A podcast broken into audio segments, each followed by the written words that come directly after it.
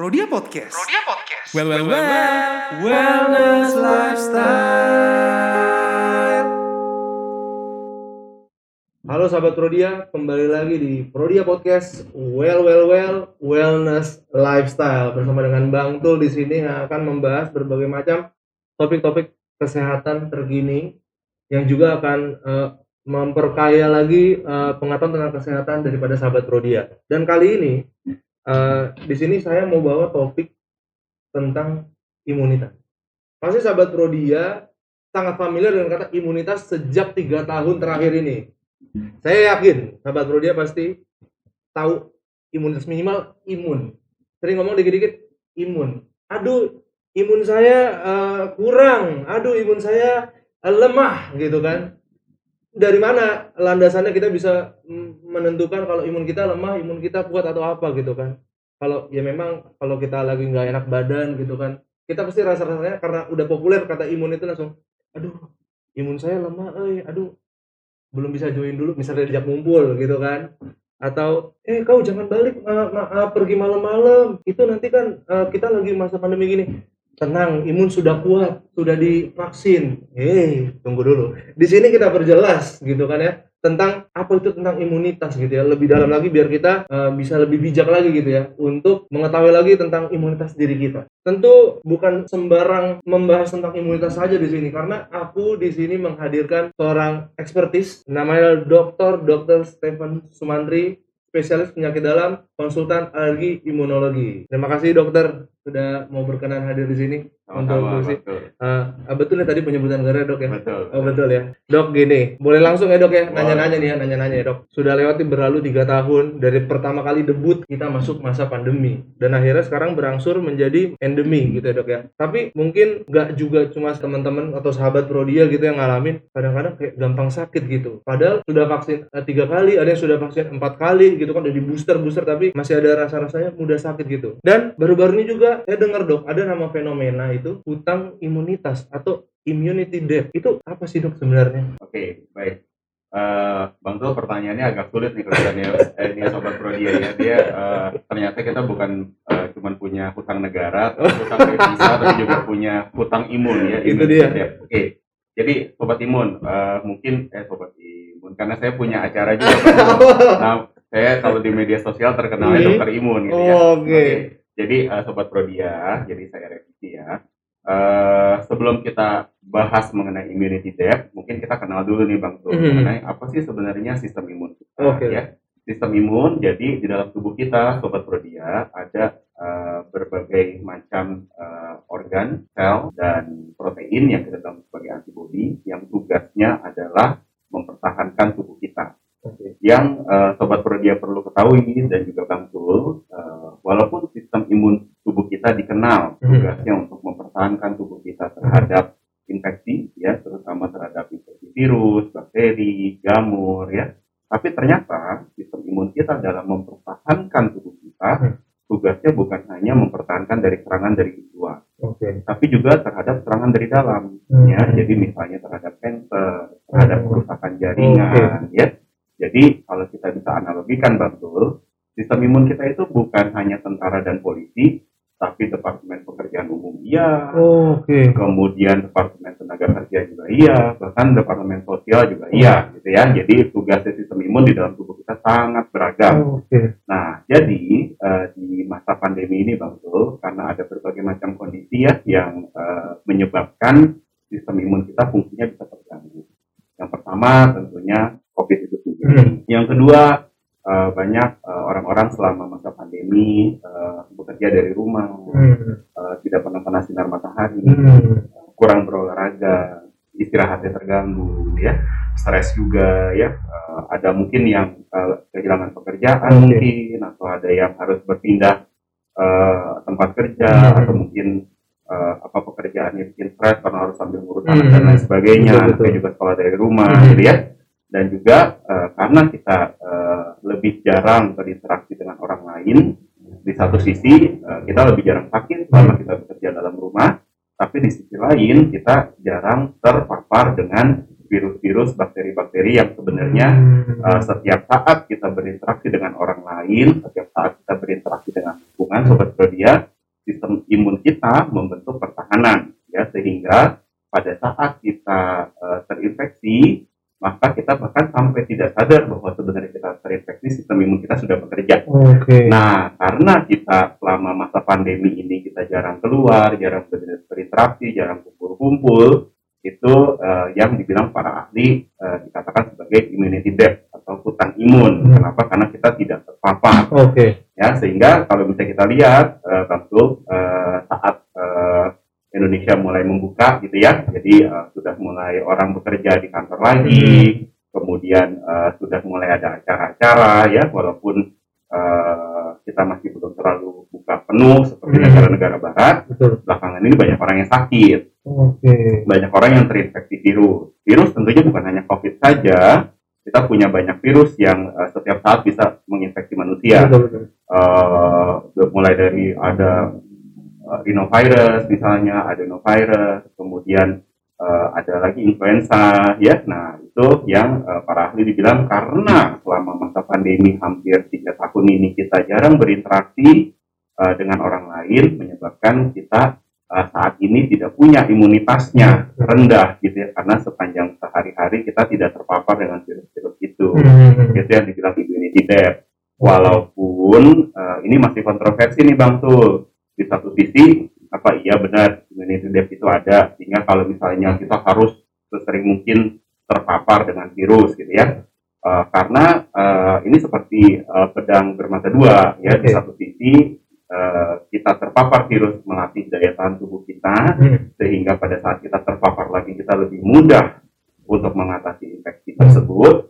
Tetapi kalau kita terlalu sering terpapar virus, eh, itu respons imunnya makin lama makin hebat. Oke. Di satu sisi, beberapa orang eh, cukup banyak juga eh, infeksi virus yang berulang malah menyebabkan kondisi autoimunitas. Ya, seperti kalau misalnya pada COVID ya, Hmm. kita tahu eh, infeksi pertama risiko 30% untuk mengalami long COVID, infeksi kedua 40%, infeksi ketiga 50%, infeksi keempat 60%. Jadi semakin sering terinfeksi, kemungkinan mengalami reaksi imunitas berkepanjangan karena infeksi virus itu makin tinggi. Hmm. Jadi ya di masa pandemi ini yang bertransisi menjadi endemi, memang masih banyak ketidakpastian ya Bang Tul. Oh. Ya, jadi kalau misalnya kita eh, belajar dari pandemi-pandemi masa lalu ya, kayak pandemi Delta di Hmm. tahun 1908 ya, itu eh, di puncak memang ya sama kayak kayak COVID kurang lebih 2-3 tahun. Hmm. Tapi habis itu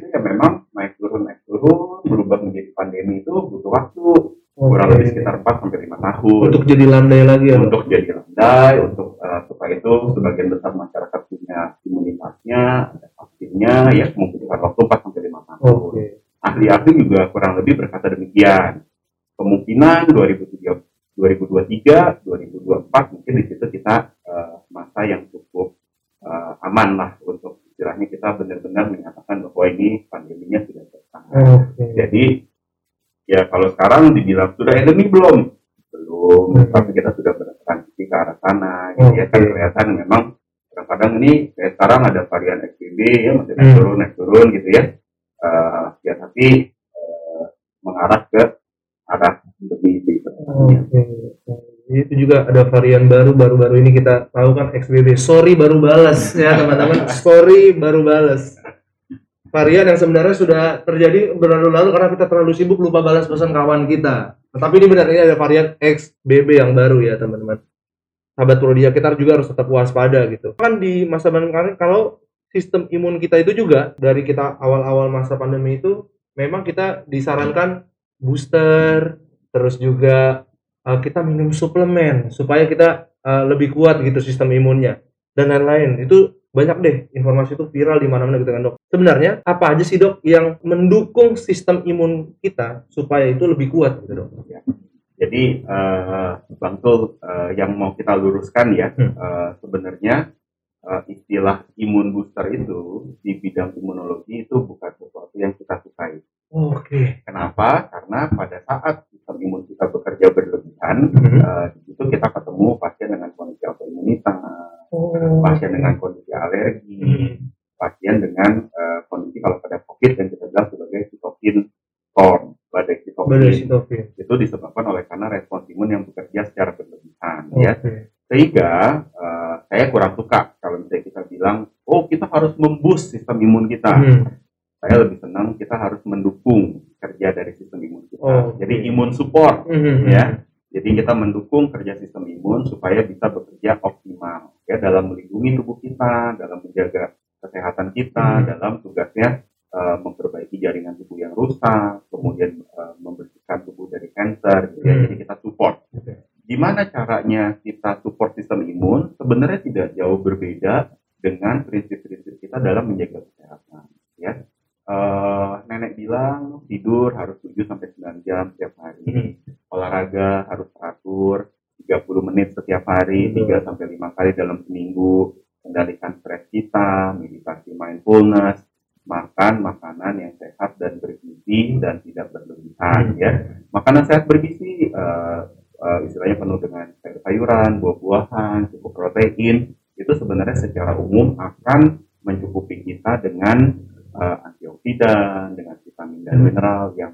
cukup tanpa menjadi berlebihan. Oke. Kenapa saya bilang cukup tanpa menjadi berlebihan adalah pada saat kita berlebihan, sebenarnya antioksidan, vitamin dan mineral pun menjadi sesuatu yang tidak baik juga Oke. dan tubuh kita terus terang membutuhkan berbagai macam vitamin, mineral, makronutrisi dan mikronutrisi yang beragam yang Hmm. kita bisa dapatkan dari makanan yang sehat dan beragam Oke. Eh, dibandingkan oh kita mesti vitamin C 1000 unit, Oh. 1000 miligram, kita mesti zinc 50 miligram gitu ya. Itu hanya sebagian kecil saja dari vitamin dan mineral yang kita butuhkan Oke. sebenarnya Bang. Jadi eh, tidak ada deh yang bisa menggantikan makanan yang beragam walaupun kita sudah minum eh, multivitamin suplemen AZ, FG, multi multi super mega gitu ya. Oh. Nah, itu selengkap apa pun multivitamin tidak akan bisa menggantikan eh, keberagaman dari sumber yang kita dapatkan Hmm. dari makanan. Oke, tadi juga dokter mention vitamin dan mineral. Karena ini juga eh, aku biasa kalau eh, cari-cari vitamin gitu kan dok, ada lebih sering tuh vitamin plus mineral, vitamin plus mineral gitu kan ya. Nah, berarti hmm, itu punya peran penting kan berarti dok di sistem imun kita berarti ya? Ya. Oke. Dia eh, perannya nih kalau kita andaikan boleh nggak kalau aku bilang dia ini sebagai bahan bakar untuk mesin sistem imun kita itu biar jadi lebih kuat. Eh, bekerja lebih optimal. Ya itu bekerja Ya, lebih oke. optimal. Jadi bukan lebih kuat ya. Ah. Kita nggak mau terlalu kuat karena kalau terlalu kuat ya menimbulkan kerusakan juga Betul. ya kayak mesin terlalu digas ya lama-lama nabrak juga kan Betul. gitu ya. Oke. Jadi eh, vitamin dan min- mineral mempunyai banyak fungsi penting di dalam eh, sistem imun kita untuk bisa bekerja secara optimal Oke. ya.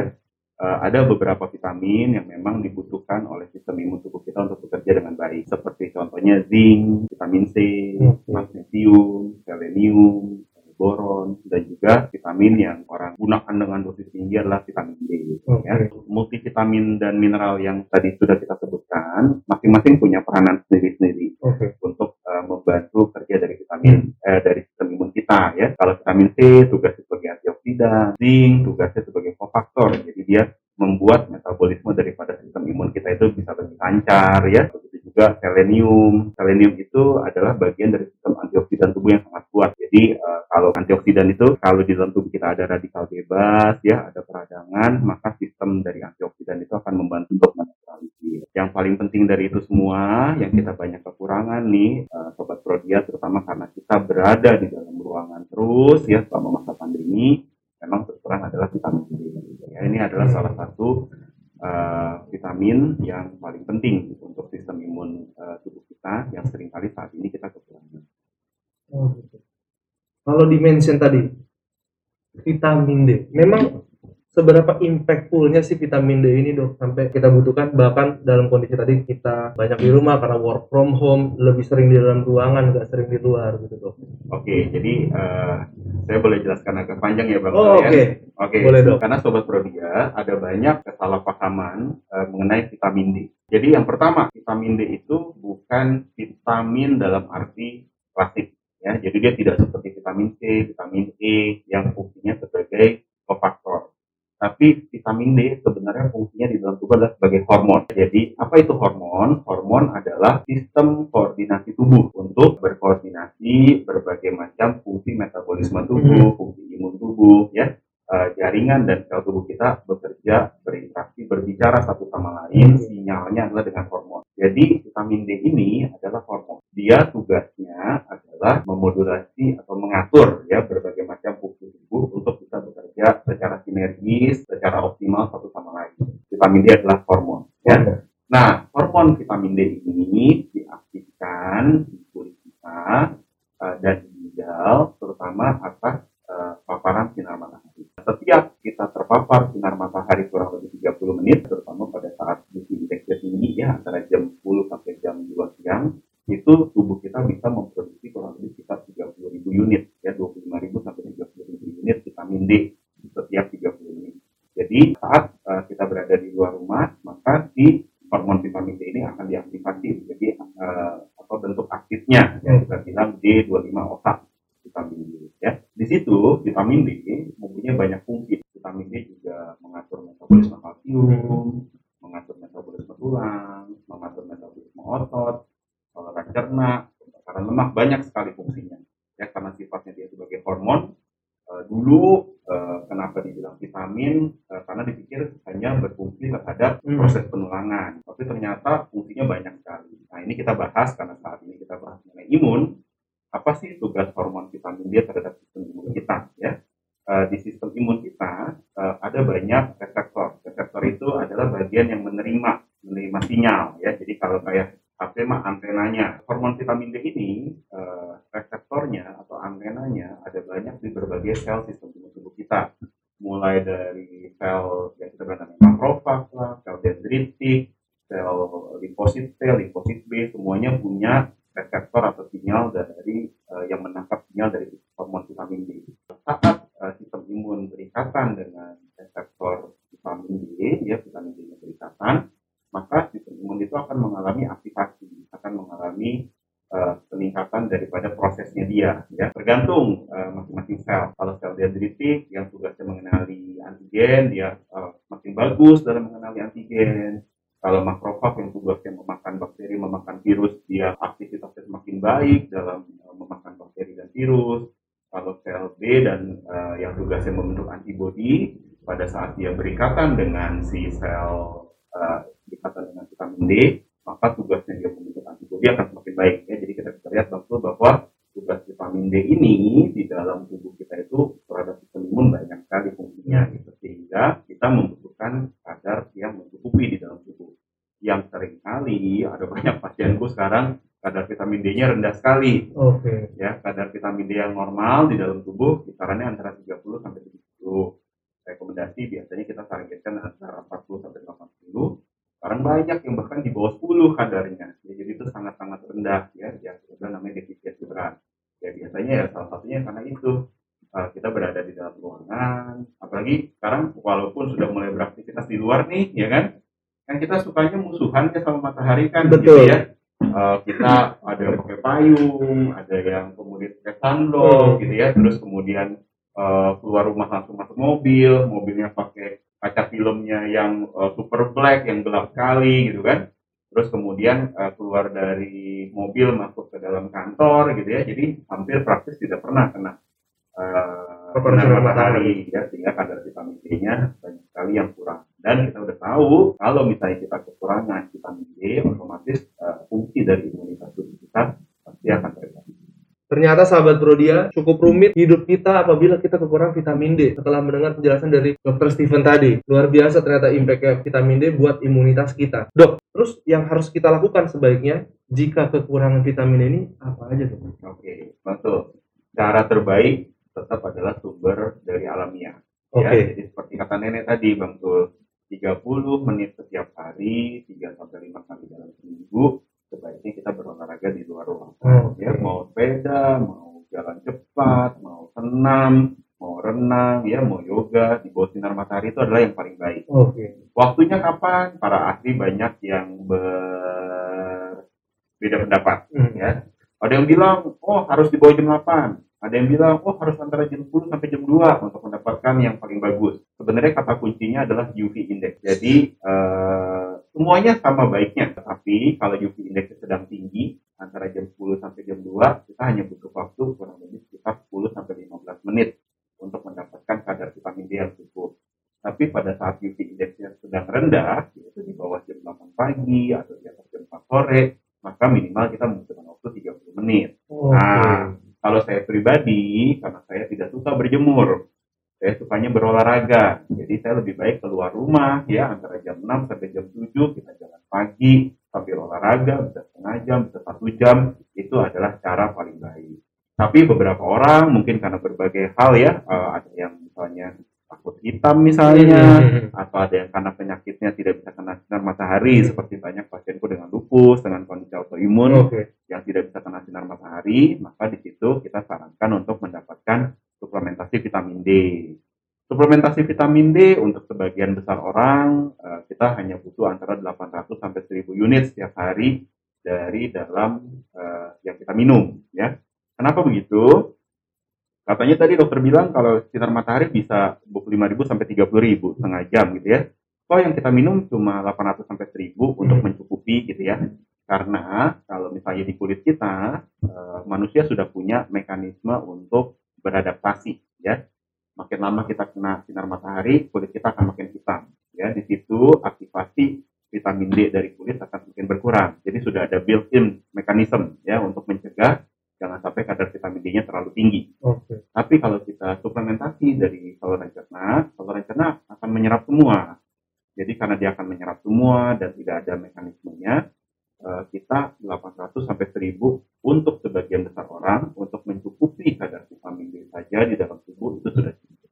Jadi itu ya bedanya sahabat Rodia, mendapatkan vitamin D dari terpapar sinar matahari dan juga minum suplemen. Memang lebih baik kita dapat vitamin D itu justru dari proses-proses alamiah gitu dong. Karena sambil menyelam minum air juga, Betul. dapat proses nutrisi vitamin D-nya juga, itu badan bugar gitu kan. Karena kita memang harus banyak aktivitas di tubuh kita karena apa? Kalau aku pribadi gitu ya dok ya, udah mulai mulai gitu kerasa agak-agak encok dikit. Jadi terasa lebih lemah gitu dibanding masih zaman sekolah kita punya banyak aktivitas sama teman-teman di sekolah maupun juga kuliah eh, lari ke sana kemari karena mengejar approval eh, skripsi kita dong gitu ya. Itu kan banyak aktivitas juga tapi semenjak kerja kita lebih banyak eh, apalagi kerja kantoran gitu ya lebih banyak duduk minim gerakan. Kalau pakai smartwatch mungkin udah di remind remind tuh get up and get move gitu kan tapi kita lebih sering kali ada deadline yang kita kejar jadi kita masih tetap duduk dan mengerjakan tugas-tugas sampai kita lupa untuk berolahraga gitu dong. Dan cukup rumit gitu ya. Jadi sahabat Rodia, ayo kita berolahraga sambil menyelam minum air.